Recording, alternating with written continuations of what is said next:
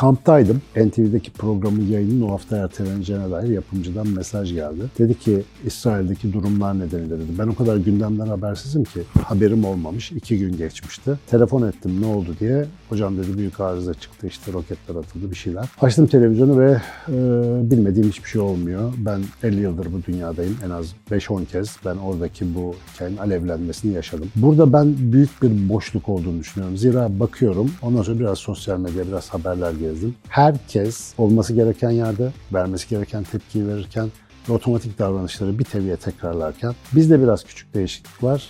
Türkiye Cumhuriyeti olarak biraz daha itidal tavsiyelerimiz öne çıkmış bu sefer. Yani eskiden bayağı bir taraf olabiliyorduk ya da bayağı bir duyarsız kalabiliyorduk. Şimdi biraz daha belki farklı ama genelde taraftarları, karşıtları, kimin kimi tutacağı belli. Öfkelenmesi gereken öfkeleniyor, sevinmesi gereken seviniyor. Çok garip bir kurgu izliyor gibiyiz ve bu ilk iki gün itibariyle bine yakın insanın canı pahasına oluyor. Ben bu boşluğu taşıyamıyorum ya. Bu çok zor bir şey. Sen bu alanlara benden çok daha yakınsın. Benim bilmediğim, benim boşluklarımı dolduracak bir şey var mı burada yani? Kaçıncıdır oluyor? İnsanların e, ve aynı zamanda insanlığın boşlukta olduğu bir vakadan bahsediyoruz. İsrail-Filistin vakasından 1948 yılından itibaren.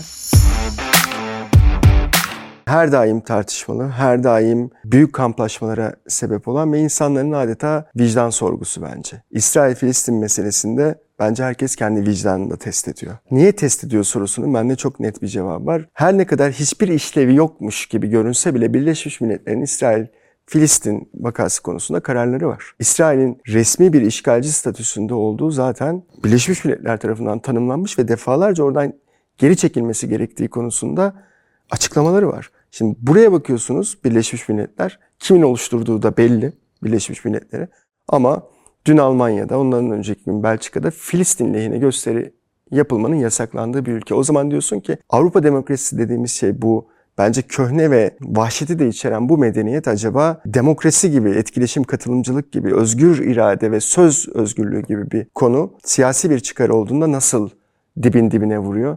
Nasıl yasaklanıyor? Bu iki yüzlülüğü görüyorsun bu tarafta.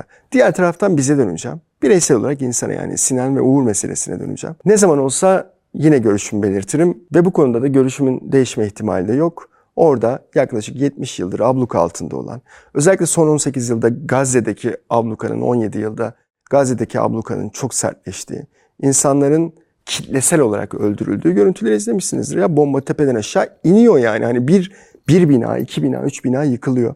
Hiçbir hedef yok. Dışişleri Bakanlığı'nın açıklaması var. Savaş kuralları yok, savaş mahkemesi yok. Bütün kuralları kaldırdım diyor. Bu zaten başlı başına bir savaş suçu. Neyi kaldırıyorsun? Ya yani bunu sö- söylemek bile aslında bir devletin kendisini ifşası konusunda bir araç.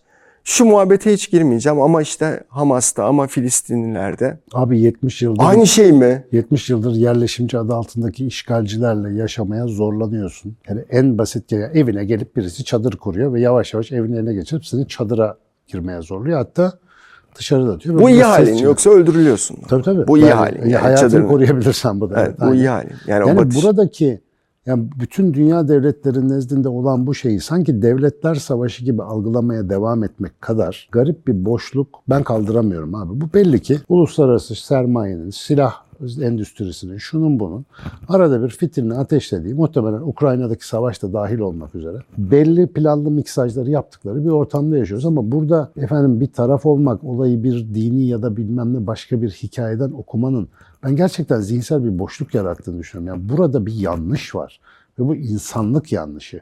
Yani herhangi bir, bir grubun dinin öbürüne karşı bir yamuğu ya da üstünlüğü alçaklığı değil konu. Bir oradan bakabilsek sanki bana işte geçenlerde bir akademisyen arkadaşımızın yurt dışından sipariş ettiği kitaplar gümrüğe takılmış. Ben de benzer bir şey yaşayınca kızgın bir tweet attım. Birisi demiş ki İsrail'in katliamları demiş gümrük kadar ilginizi çekmedi galiba falan diye. Herkes sanıyor ki bir şey olduğu zaman herkesin verdiği tepkiyi vermelisin. Ben bunu yıllardır reddediyorum. Hayır. Tweetle çözülebilecek şey var.